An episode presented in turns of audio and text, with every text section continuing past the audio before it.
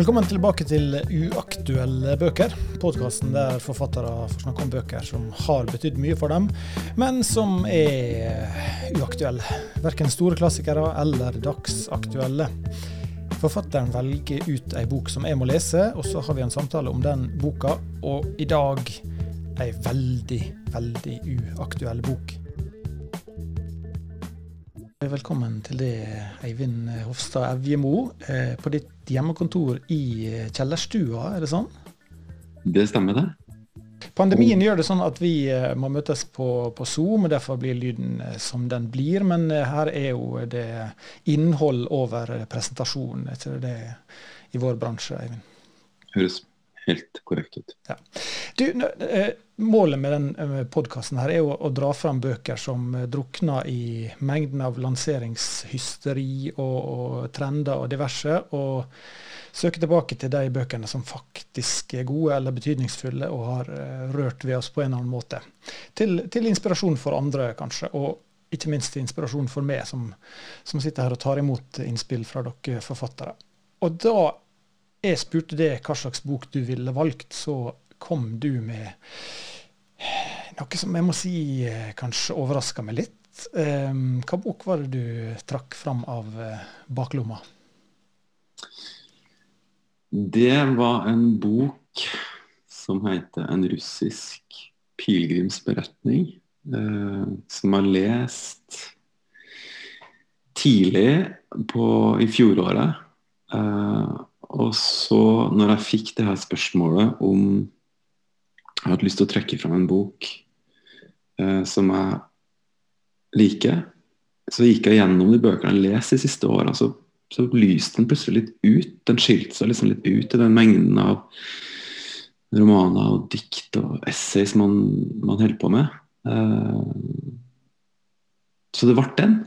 Fordi at den har en sånn besnærende, fascinerende og for meg er det en sånn uforglemmelighet som, som, som gjør at jeg ofte tenker tenker på den og kommer tilbake til den. og Om den kanskje ikke er et litterært slektskap, så, har det, så vekter veldig en form for eh, eventyr, gleden over eventyret. Eh, min egen fascinasjon for eh, teologiske og eksistensielle grunnspørsmål. Det krysset der mellom eventyret og de store spørsmålene som denne boka surrer litt rundt. da, Som mm. gjorde at jeg hadde lyst til å lese den igjen og, og trekke den fram her i denne konteksten. Du, det her er jo en bok som uh, er i den uh, alltid litt besnærende sjangeren uh, ukjent forfatter. kom ut på slutten av 1800-tallet, 1884 i, i, Russland.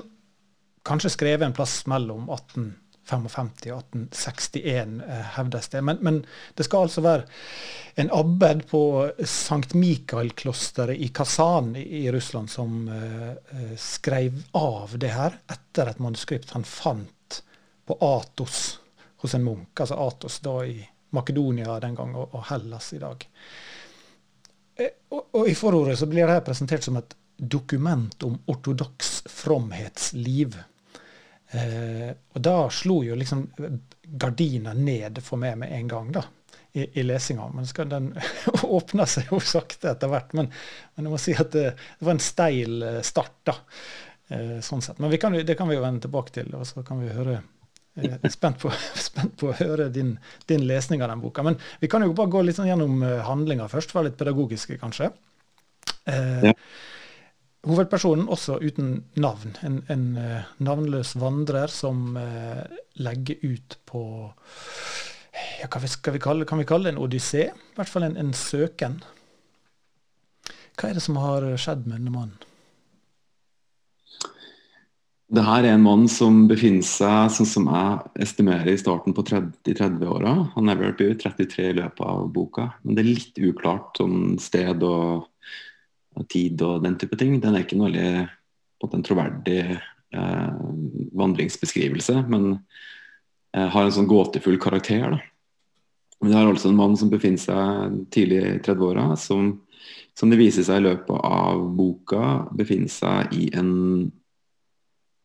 livskrise.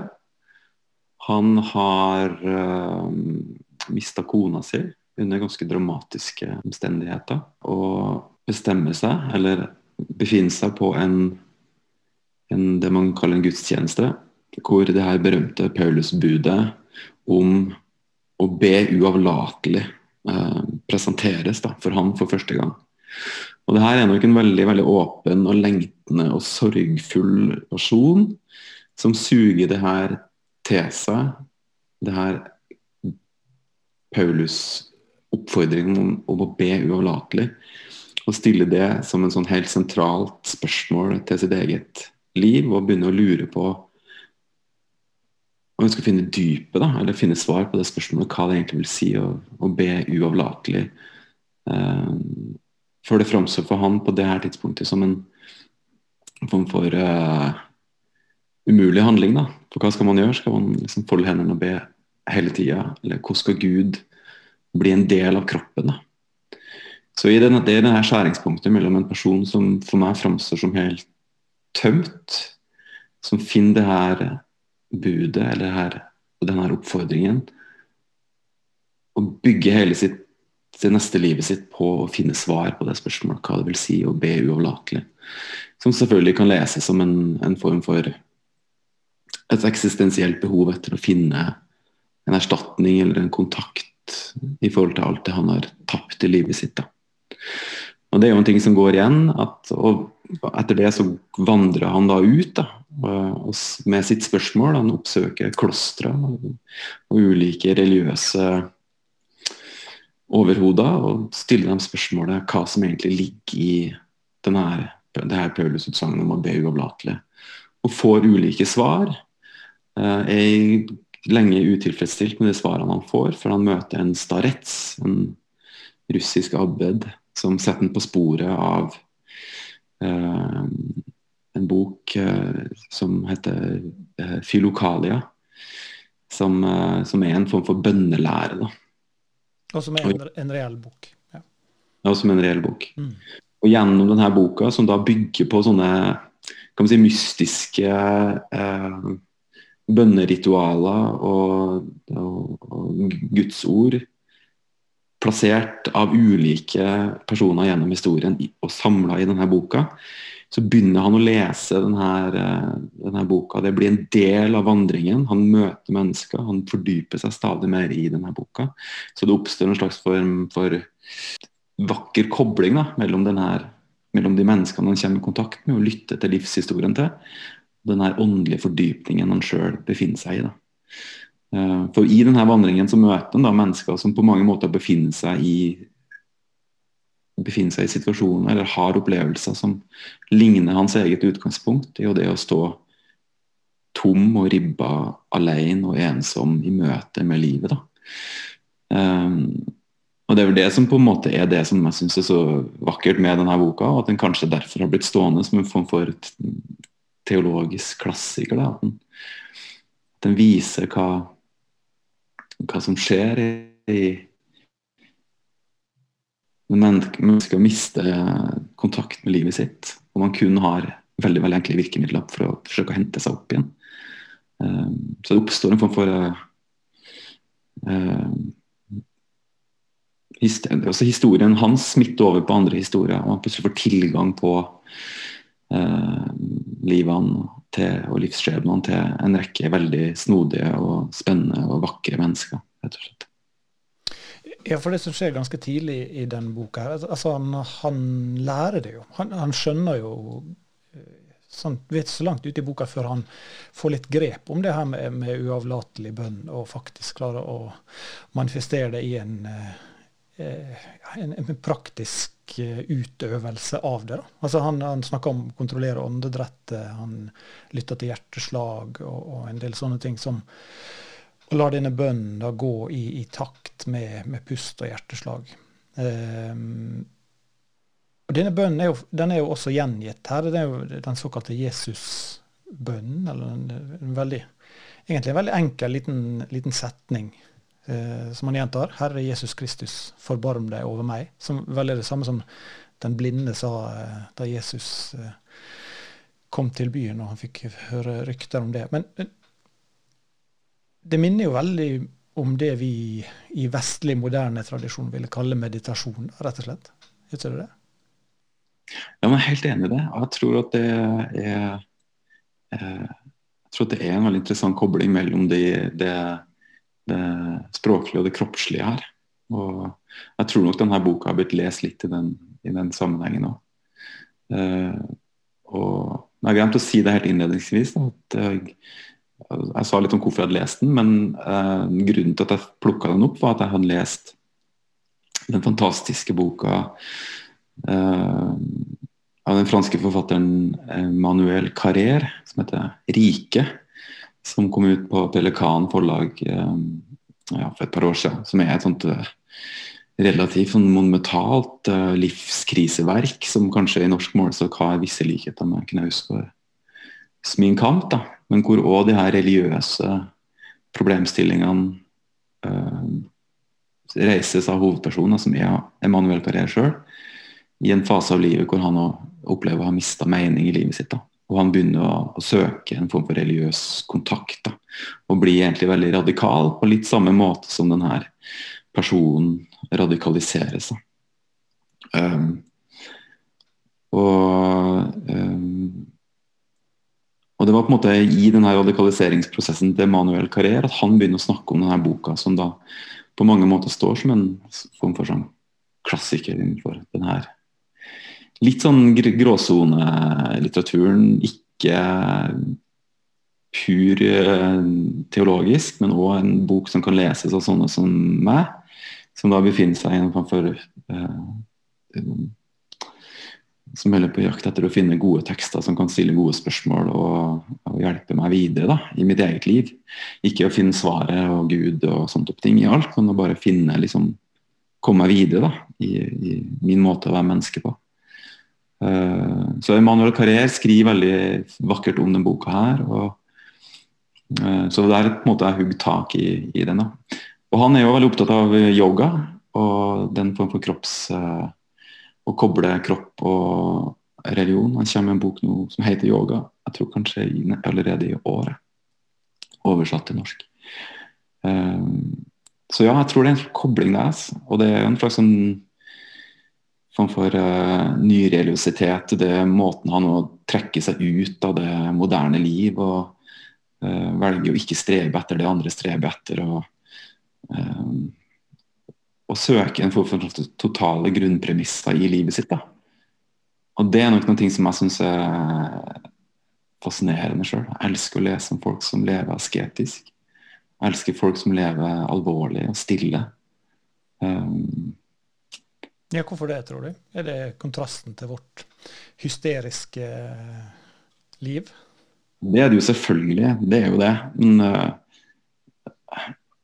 men om det er en kritikk av uh, Jeg er ikke interessert i det å kritisere en form for marked eller kapitalisme. Jeg er liksom ikke der. Det er mer et slags spørsmål til mitt eget liv. på en måte. For det handler om premissene som du bygger livet ditt på. ikke sant? Hvor, var, hvor starta min måte å tenke liv på? Hvor starta mine vaner på? Hvor starta mine handlinger på? ikke sant? Uh, og Det forsvinner veldig fort i sanda når jeg forsøker å nøste i det. Og Da er det liksom fristende liksom bare å tenke at nei, jeg skal starte på nytt. Jeg blir i hvert fall fascinert av andre som starter på nytt og finner, baserer livet sitt på, en, på, et nytt spørsmål, en ny vei, og ser hva som da skjer med kroppen din, med sjela di, med tankene dine. Uh, og at det livet jeg lever på, er, en måte, er bare ett av mange mulige. Som om livet er noe man kan liksom velge å bytte ut. Mens her ser man eksempler på mennesker som søker en form for sannhet i livet sitt. Uh, sånn, som om det finnes en form for, uh, uh, form for fundament eller en slags kjerne som, man, som det en egen oppgave å, å forsøke å finne rota til. Det er, um, det er noe i det. Ja. Mm den hviler jo på det premisset som du er inne på i starten, at dette er en, en ødelagt mann, at han er helt på bunnen. Uh, og det er vel også et slags ikke et ideal, kanskje, men, men et, en forutsetning for å kunne forenes med med en gud, eller i, i mange teologiske skrifter, vel. At du, ja, du må på, på bånn og, og, være tom for å kunne fylles opp da, av, av denne typen for sånn ja, hva skal man kalle det, en, en uh, ansiktsløs og legemløs kjærlighet som, som, skal fylle det tomrommet da, etter, etter hva nå enn det er du har mista. Jeg syns jo det er interessant her at du at tapet jo selvfølgelig en ting, og sorgen og, som bærer den her hovedpersonens um, lengsel da, ut etter noe nytt. Så, kun, så, ser jeg jo denne boka som en form for uh, Eller den typen strategier da, som en slags forsvar mot uh, alkohol. for at du og rus og overskridelse og religion har jo ofte denne funksjonen i å forsøke å, å temme og balansere og strukturere mennesket. da. Og i, her, uh, i denne boka så er det jo en rekke mennesker som har drukket i stykker livet sitt. Og som det kommer fram i løpet av eh, ja, det i midt, Midtveis i boka så, så, begynner jo denne hovedpersonen først å fortelle litt sin egen historie. og Det viser seg at han er, eh, er født med en lammelse på, det, på den ene sida, så han kan ikke røre venstre armen sin. Han, begge foreldrene hans døde tidlig, så han har vokst opp til bestefaren sin. Eh, broren hans viser seg å nettopp være en drukkenbolt. Drikke i stykker alt han kommer i berøring med. Eh, men vår hovedperson da finnes, blir oppfordret til å finne seg en kone, gifte seg, får ta over hele huset som denne bestefaren la legge igjen, og 1000 rubler som han skal bygge sin framtid eh, på. Og alt bare ender med at broren har bare satt fyr på alt sammen og stikka av med 1000 rubler. bare, bare fysisk og mentalt bare sende denne fyren på bar bakke. da og Det er jo selvfølgelig på denne bare bakken som du er inne på, Bjørn, som denne religiøse radikaliteten da på en måte oppstår. da, sånn at Han har ingenting. Så Jeg ser jo det som et sånt grep innenfor en slags sånn teologisk uh, iscenesettelse. At du skal få hovedpersonen på bar bakke, og derfra kan du bygge opp noen ting. Uh, og så liksom, altså så syns jeg på en måte måten det skjer på her Jeg opplever ikke det som en form for uh, lære, da, om det selvfølgelig finnes en form for læremessighet der, lære en til Gud.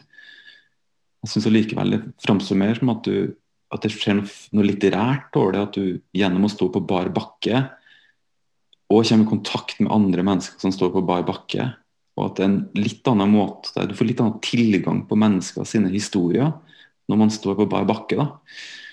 Uh, og Det syns jeg på en måte er et vakkert utgangspunkt for å skrive fra. da han vandrer rundt og bare kommer i kontakt med mennesker som åpner seg opp. da. Fordi han ikke framstår som en trussel, kanskje. eller han, han lytter til dem, og han hjelper dem. og han. Og så Det er et, en dimensjon ved det som jeg syns er veldig fint med denne boka. da. Nå sporer jeg kanskje, jo, Det som var utgangspunktet, var jo det her med alkoholen. Ja. At alkoholen her finnes jo som en slags sånn negativ drivkraft. og nå, nå er, kan jo hende at det bare er en fordom, da, men Eh, jeg går ut fra at, man, at alkohol og Russland har en form for Det henger litt sammen. da, Ofte at man har en sterk religiøsitet i land som har en sterk alkohol, store alkoholproblemer. Mm. Er det utrolig på bar bakke at det, det, det, får være som en påstand. Men jeg ser for meg at det er en kobling der, da, og den koblinga gjøres veldig eksplisitt her. at Hold deg på den rette sti. Hyll din Gud, og for faen, hold deg nå i spriten, liksom. Mm. Det du sier om, om, om liksom avholdenhet, det gjelder jo egentlig alt da i, i den boka her. Han, han, legger jo fullstendig fra seg sitt eget liv og, og overlater alt til det, det prosjektet her. Da. Det, for meg så krysser det jo den eh, grensa der det på en måte blir eh, eh, Selvfølgelig hva skal jeg kalle det? Det, det, det blir frastøtende av den grunn at han på en måte eh, sier fra seg enhver rett til å utøve sitt eget liv og enhver sjanse til å kanskje komme seg opp fra den gryta han er i, da, bortsett fra at han, han da forenes med sin, sin Gud. Men eh, han tar jo månedsvis med, med fri, som han kunne brukt til ordentlige ting. for, for, å si det altså Bokstavelig talt sette oss ned i, i i, eh, over flere måneder ber den bønna 3000 ganger hver dag først. Så er det 6000, så er det 12 000. Altså, det her er jo selvfølgelig billedlig talt, men så kommer det da fram at han eh, prøver å, å, nærmest avlære kroppen å leve i, ute i verden. Altså han har en slags eh, et så ekstremt disiplineringsprosjekt at det ideelle for han hadde på en måte virka som det har vært hvis legemet nesten gikk i oppløsning, og han, han eh, svevde der ute sammen med, med, sin gud, for å si det litt sånn enkelt og, og dumt. da. Eh, og da mista jeg litt sånn kontakten med det. Jeg er helt enig med det i det prosjektet hans er, er, er interessant, og sånt, det han forholder seg til mennesker, men han henvender seg til sin gud sånn i, i den totale um, overgivelsen. Da, så blir, det, så blir det vanskelig å følge fortellinga, rett og slett. Å følge eh, følge premisser og, og, tro at det her var noe som, som han gikk til av eh, glede, som han sier. da. Han blir, så, han blir, så, lykkelig når han ikke har gjort noe annet i seks måneder enn å be den bønnen, og, livet hans er fylt opp av lykke. Den, sant, eh, den, den, er tung å svelle. jeg opplever at det finnes en form for uh, en form for slags sånn modernistisk glis her. da for jeg er helt enig med deg at det finnes en form for som, Det er noe patetisk over noen av de handlingene her òg. At man på en eller annen måte blir litt sånn sjøloppofrende på en litt sånn nissete måte. Til at han på en måte skal han dyrke sin egen offerstatus så at det, det slår over i det komiske. da. Men det jeg mener med sånn modernistisk glis, at han på en måte eh, og Det er kanskje derfor jeg kanskje opplever denne boka som litterær òg, mer enn kanskje teologisk. At jeg, at jeg tror faktisk at dette mennesket har tatt de her valgene og går ut i verden og søker de her og søke de her svarene. Og han gjør det ikke fordi han er en metaforisk, eh, guddommelig Jesus-karakter, men han gjør det fordi han, han gjør det på denne måten. ikke sant? Og gjennom historien så, så, har det vært sånne folk ikke sant? som går rundt helt avkobla tid og sted. Og søker en helt annen livs, uh, livsbetingelse, eller en livskraft. da. Mm. Så du, du, opplever ikke at det er et påbud i den teksten her om at du, du skal gjøre det samme? Altså Du opplever det mer som en fortelling om en som gjorde det? Jeg opplevde det definitivt som en fortelling. og Hvis det hadde vært fungert på en annen måte, så hadde det slått over i det teologiske. Og da hadde ikke jeg valgt denne boka til å sitte og snakke om i dag. Mm. Og da hadde ikke vært, eh, da hadde jeg heller syntes at den har vært viktig og vakker. Uh, og det må jeg jo si i forhold til den Emanuel Carrere-boka som var utgangspunktet for denne lesningen. Og I den boka så gjør noe som jeg syns var utrolig vakkert og vekkende for meg, da, som i utgangspunktet ikke er noe sånn særlig kan si sånn, filologisk interessert i, i Bibelen. For eksempel. Men jeg er veldig interessert i den historiefortellinga. Jeg er veldig interessert i å skjønne Jesus. Er veldig interessert i å skjønne den historiske personen Jesus. Og Det er det Manuel Carrer gjør. Han går tilbake i historien og forsøker å finne ut hvem de folkene her var, og hva som egentlig skjedde. Løsrivd fra de her miraklene og løsrivd fra det her religiøse kontekstene som selvfølgelig har blitt bakt og lagt på lag på lag gjennom historien. Hvem var de her fattige fiskerne som plutselig ble liksom konstituerende for en verdensreligion? Det skjer jo noen sånne hopp i løpet av denne prosessen.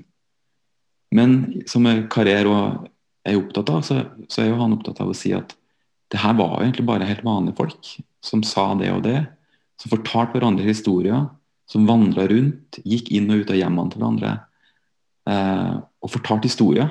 Så Utgangspunktet for Bibelen er jo selvfølgelig, og for religion er at noen begynte å fortelle historier, og at historien begynte å utvide seg.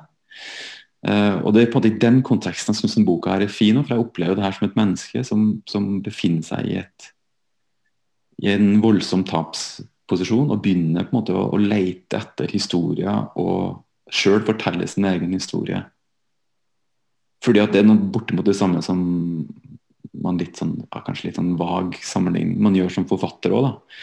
Uh, nå er ikke en sånn link som er så viktig for meg, men det, det kan være en kobling der, liksom. i å se, i å se det her tingene. I et litteratur og språk, altså det vi gjør som forfattere, handler jo i stor grad om å, om å bruke et materiale, som da er språket, på å skape visse effekter. Få det til å funke. Få karakterer til å virke sterke. Få historier til liksom å skinne, liksom. At det finnes en form for manipulering i det òg, men en lengsel og en manipulering i samme ja, absolutt. Og så, så finnes det vel også en parallell i den lengselen. Altså denne, denne mannen har satt seg egentlig et mål han innerst inne vet er umulig, altså forenes totalt med sin Gud og, og, og være i Gud til enhver en tid. Og som forfatter så har vel du et mål om på en måte å forene eh, din kunst med en virkelighet. da, Men det kan jo aldri bli eh, Du vet at det går ikke. Du kan strekke deg etter det og bruke som du sier, virkemiddel og, og, disiplinere deg sjøl og gå ekstremt langt i det, men du vil aldri lykkes i det. da. Men det er liksom den messende gjentagelsen av, av historiene og, og, og, fortellingene som ja, Man må alltid strekke seg dit. da. Og Det er jo deilig, mm. å, ha sånt, det jo deilig å ha et sånt mål som du vet du aldri kommer til å nå, egentlig. For eh, eh, da vet du at du har en livsoppgave. Eh, så kan man av og til føle at man er i berøring med det, sant? og så glipper det. og så begynner man på neste side. Ja, jeg syns det er noe veldig lengselsfullt i det. Jeg, jeg, tror jeg kjenner den, den, den, samme gleden av å lese denne boka og følge denne personens radikale lengsel og jakt etter å finne sin gud. Når jeg sitter og stirrer på Magnus Carlsen som sitter og spiller langsjakk. og sitter og ser på de samme brikkene som jeg ser på når jeg ser på sjakkbrikkene hjemme hos meg. og han ser på en måte en form for Han har fordypa så mye på en måte i sjakkbrikkets magi da, og fordypning at han ser ting som ligger så langt utenfor mitt eget min egen rekkevidde. da. Og det er på en måte i denne, liksom, denne fordypningen da, i det her små altså Et sjakkbrekk består, består, jo, når alt kommer til alt, med så og så mange ruter med så og så mange brikker, men allikevel så er det her mulighetene. så Det mulighetsrommet så er utrolig stort. da. Og Hvis man da liksom plasserer spørsmålet ut i livet, da, hvordan er det man skal organisere og forstå livet, som består av så utrolig mange brikker, så utrolig mange uh, ruter? da. Så kanskje her er en sånn kobling da, til, den, til en slags sånn fantasi eller en, en sånn fascinasjon etter å, etter å uh, organisere, hvordan man skal organisere livet sitt. Og, og, hva, er det, hva, er det, riktig å se etter, og hva er det riktig å skrive om, og hva er det riktig å fordype seg i. Mm. Det er, ja, det, det, det er fint. Den sammenligninga med sjakk og den begrensa antallet trekk du har til rådighet. altså den i din romanskriving du har et begrensa antall virkemidler og et begrensa antall ord, men likevel så er det systemet du kan stable opp så komplekst at det er jo Det fins uendelige pluss uendelige varianter av det. Og det er jo mm. det, er jo det som gjør det verdt å holde på med, selvfølgelig. Men, men, men en ting som slo meg eh, det finnes et etterord i den uh, boka her, som um, i hvert fall den utgaven som jeg leste Jeg måtte jo til Nasjonalbiblioteket uh, digitalt for å få fatt i den boka her i utgangspunktet. da og, og, og, fant den digitalisert der på, som så mye annet herlig som, som, ligger der når man begynner å bla. Um, og i det etterordet så står det, i hvert fall for meg, var det en slags nøkkel til å, å, å skjønne hvorfor den boka her gir glede også til meg, da, som, som er jo en håpløs, eh, troløs eh, og et eller annet Ja, prikk, prikk, prikk.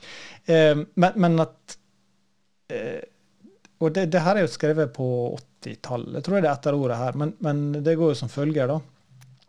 Eh, den store dreining i tiden bort fra den materialistiske og rasjonalistiske tenkemåte har igjen gjort det religiøse behov legalt, også for det intellektuelle mennesket. Så det var litt lettere for meg å føle at det var legalt da. OK. Jeg har ikke, jeg har ikke det var lest smusslitteratur. Eh, og, og, følt noe ved, ved lesinga. Eh, men jeg tror det ligger ja, selvfølgelig ligger noe i det. Men, men, trenger vi den formen for reinvasking, en del av oss, i, i disse spørsmåla om, om, det religiøse eller det ikke-rasjonalistiske. At vi trenger å si at noen trenger å si til oss ja, men det er OK at du tenker på det her. Nei, men jeg tror at jeg er jo vokst opp i et, uh, i et miljø som på en måte ikke har vært så religiøst opptatt. Jeg har liksom ikke gått så mye i kirka, eller uh, heller ikke hatt foreldre som har vært så superopptatt av å liksom formidle det her religiøse kristne verdiene. Så Derfor har jeg fått en sånn mulighet da, til å dyrke andre ting i livet, og har funnet ut at de tingene jeg har dyrka og de interessene jeg har fått, er så mye kulere da, enn det de alle de andre driver med. Det å gå i kirka og fordype seg i den typen tekst og sånne type ting. Så jeg har jo på en måte skapt en form for forestilling om hva religion er. og Uh, og syns liksom det er flaut når folk snakker om Jesus og sånne type ting. og det, det, kan jeg på en eller annen måte fremdeles kanskje kjenne. da Men samtidig så er det jo Man må, få, man må finne sin inngang til det. Jeg syns det er dumt å, å ikke være drivd mot å forsøke å finne finne ut av det. Mm. Min inngang til det var jo denne karriereboka nettopp som, som, og løsningen for meg ble min inngang til den religiøse uh, historien var jo det at å forstå de menneskene som mennesker. da. Uh, og se på handlingene deres som et utslag av uh, den tida de var en del av. Og da ble de på en måte med en gang litterære for meg. på en måte. De, de oppførte seg som karakterer i større grad enn en som guddommelige urmennesker som gjorde alt rett og sa de riktige tingene. og og, og det her Jesus på korset er jo mye mer en slags form for uh, metafor for et eller annet som folk har brukt veldig veldig mye plass og tid på å tenke på, og tenke og skrive om og formulere om. Så det er på en måte en, en litterær tradisjon da, i å lære i å, i å, Den litterære tradisjonen er at veldig veldig mange mennesker har forsøkt å, å skrive noe nytt om hva som skjedde i de her åra der menneskene gikk rundt omkring og snakka i Midtøsten. Og så er det en kunsttradisjon. Nesten all kunsten som ble laga i mange mange hundre år, var bare ulike framstillinger av eh, bibelhistoria. Um, så, så, det jeg forsøker å si, at vi, liksom, vi står og uh, det inngår i vår kulturkrets. Da. Det er veldig veldig mange mennesker som har brukt tid på å forsøke å finne svarene på de her spørsmålene. Uh, men for meg er det viktig at man, man, prøver å finne sin inngang. Og den er ikke sikkert man finner heller. og um, Det er ikke sikkert man syns at det er noe spennende. Men for meg var i hvert fall denne boka en av dem som, satte meg på sporet av hva religiøsitet og lengsel egentlig er da, i en sånn type kontekst. Så må det kanskje også nevnes at det her er jo en type eh, religiøs utøvelse som glir langt over i mystisismen, som, som jo for oss eh, i vår vestlige kirke en, har mange fremmede begrep og mange fremmede former, men, men som jeg syns jo er poetisk og, og, litterært mye mer interessant kanskje enn den eh, litt sånn verdslige kristendommen i, i protestantiske tvangen, kanskje. En, en, større søken mot nettopp det du sier, det, det åndelige og det som ikke kan begripes. da. Mm. Som, som, gjør det selvfølgelig mer til, ja, til et uh, litterært og poetisk verk enn en hvis det var en programmatisk kristen oppbyggelig litteratur. Ja, ikke sant. Og du har jo denne vandringslitteraturen. Er jo, det er jo en egen, Om ikke en egen sjanger, så ser man jo den. liksom. Tenker på Als og Sarahostra-boka av Nietzsche, f.eks. Som på en måte har den her vandringskarakteren og den her mystiske relasjonen mellom mennesker og mellom språk og handling. Så kom jeg av en eller annen grunn nå til å tenke på når jeg leser boka her igjen, på en bok som jeg har lest for mange år, så den her i eventyrland av Knut Hamsun, som òg på en måte har den her det her mørket. da. Man går rundt og møter mennesker, beskriver deres historie. Da. Det er jo en slags form for reiselitteratur. da. For at her er det jo selvfølgelig det her religiøse uh, religiøse konteksten er jo, er jo, mye mer tydelig til stede, men jeg opplever jo det som en form for reiselitteratur. Her møter man folk på veien. liksom. Man går opp til gods i mørket, og der står det en stallkar som tar deg inn i varmen. Du får en, en varm kopp med suppe du får en liten historie, du legger deg. Du går videre, legger deg i en høystakke, for du finner ikke noe sted å sove. Du går i gjørmete vann, du går gjennom isen. Du får gikt, du blir helbreda. Du møter en ung jente som skal giftes bort, osv. Det bare oppstår sånne trefninger da, mellom folk og historie. da. Og Det finnes noen sånne, sånne motiver sånne historier som også går igjen gjennom boka. Som er veldig fint gjort. Da, som er, liksom, nok en gang fram, som framstår for meg som litterære. Da. Um, ja, Gjentagelser og som lærebok i, i, romanskriving så er den jo forbilledlig på, på veldig mange måter. Her, jeg begynner med en krise og en mann som må ut og har et helt, helt klart mål han må, må nå i enden av reisen. Eh, det har bare én svakhet, og det er at han her eh, personen han gjør egentlig ingenting sjøl. Alt skjer med han. Han, har, eh, han møter disse tilfeldige folka. Det er liksom ikke han som, som, setter så veldig mye i sving. da. Så alt havner i fanget på han. Men uh, som Rachel Cusk, ikke sant? Hun sitter bare der og formidler bare andre sine historier. ikke sant? Ja. Det, det, det, er et grep her som, som er interessant. Altså.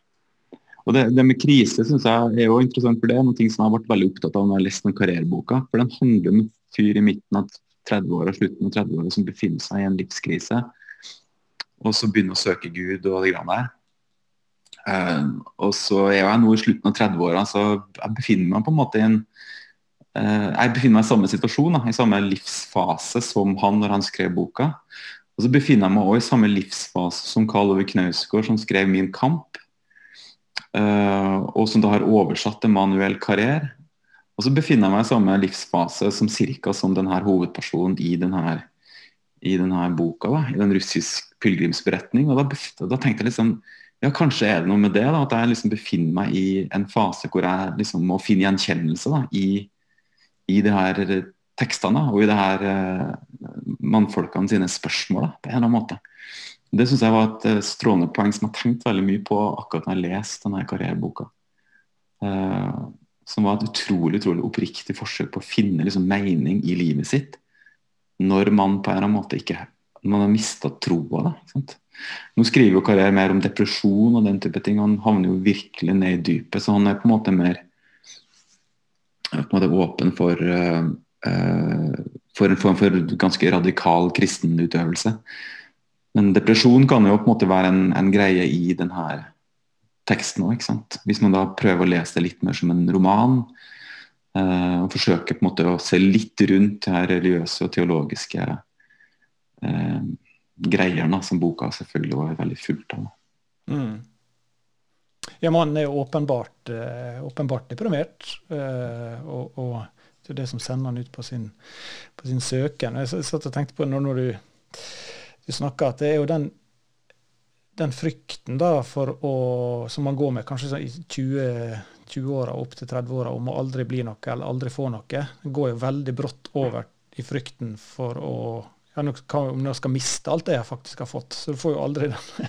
Så akkurat i det brytningspunktet der, da, nå, nå, har jeg oppnådd det jeg aldri trodde jeg skulle oppnå. Nå har jeg barn og familie, og nå har jeg inntekt og alt det. Og så går det over i en angst for å, for å miste alt det. da. Så det er en evig, en evig plage, det her. Men det, det, var kanskje et eller annet med å omstille seg fra den ene frykten til den andre som setter i gang sånne prosesser. Da. Det var høyt tenking. Men, men eh, jeg tenker sånn i forhold til, altså jeg tenker sånn i forhold til språket, og det, det er liksom også grunnen til at jeg begynte å tenke på det. for at jo, man, i denne fasen av livet, hvis man da debuterer sånn normal, innenfor normalalder, da, som er sånn, hva, hva er det, slutten av 20-åra, liksom, Sånn som jeg da har rukket å skrive et par bøker før jeg er på en måte i, i denne fasen som jeg nå, da, karriere. og jeg har mange bøker og er mye mer kjent enn det jeg når han befant seg i den fasen som jeg er. Og, og Knausgård allerede en, en bauta i litteratur, litteraturen. ikke sant? Men at man på en eller annen måte har skrevet bøker, og så har man på en måte innsett at ikke, de bøkene man har skrevet, ikke lenger gir mening. da. Jeg, føler, jeg kan liksom tenke av og til tenke sånn på for min egen del at at man, man, bruker, man litt, har litt sånn 20-åras 20 liksom forstillelse. da.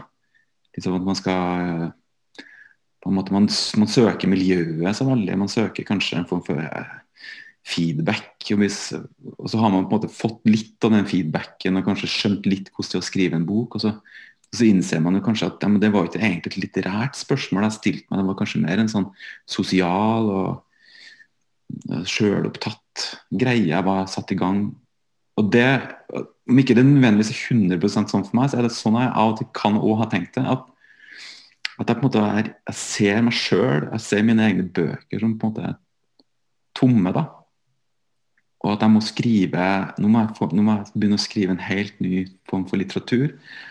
En helt ny form for tekst. For det her går ikke lenger. Liksom. Jeg kan ikke prøve å løse litteraturen med de vir virkemidlene som jeg har hatt så langt.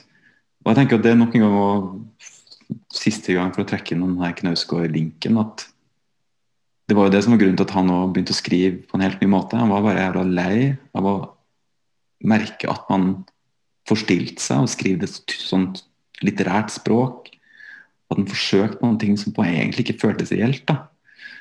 Og Det er det som er oppfordringen, ikke sant? som man kanskje føler litt på når man er i slutten av 30-åra. Man har lyst til å skrive noe som er ekte. Man har lyst til å skrive noe som er sant. på en måte da.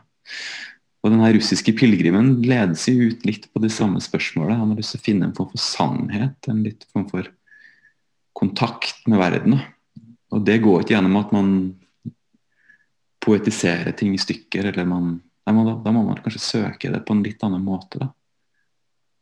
Så det er sånne ting ble jeg sittende og tenke på. da. Eller jeg har tenkt mye på det siste, siste året. da. Men du vet, vet, jo at du vil, eh, du vil mislykkes. Altså, Du vil jo ikke kunne skrive fram sannhet. Du vil ikke kunne nærme deg eh, virkeligheten i, i, i, kunsten din. Nei, Man må i hvert fall yte alt for å finne den riktige strategien for å komme så nærme som mulig. da, Hvis ikke er det på en måte ikke noe vits i det. For, for, mange så er det sikkert jævla vits å bare holde på, liksom. Men for litt sånne sjølhøytidelige folk som meg, så, så, må man liksom på en måte finne en mer sånn høyverdig vei gjennom krattet. det du trenger, det er altså en starets som kan veilede deg inn i det her eh, terrenget, Eivind. Det, det, kan, har vi, det, har vi, sett funka i en russisk pilegrimsberetning. Finnes det en slags sånn, sånn uh, app som man kan bruke? En sånn starets-app som man kan Nei, men Det sitter en god del av dem innerst i sånne mørke kroker på noen puber nede i Oslo og har uh, allviten. Så det er bare å gå dit, så får du, får du skjønne hvordan det henger sammen. Skal ta en prat. Ja. Eh, Eivind Hofstad, vi må veldig hyggelig å ha deg med her i, eh, med en bok som skiller seg litt fra, fra resten av anbefalingene i serien. Eh, det har vi godt av alle mann, så får du ha lykke til på din eh, ferd mot det ene sanne og virkelige i eh, kunsten din. Takk skal du ha.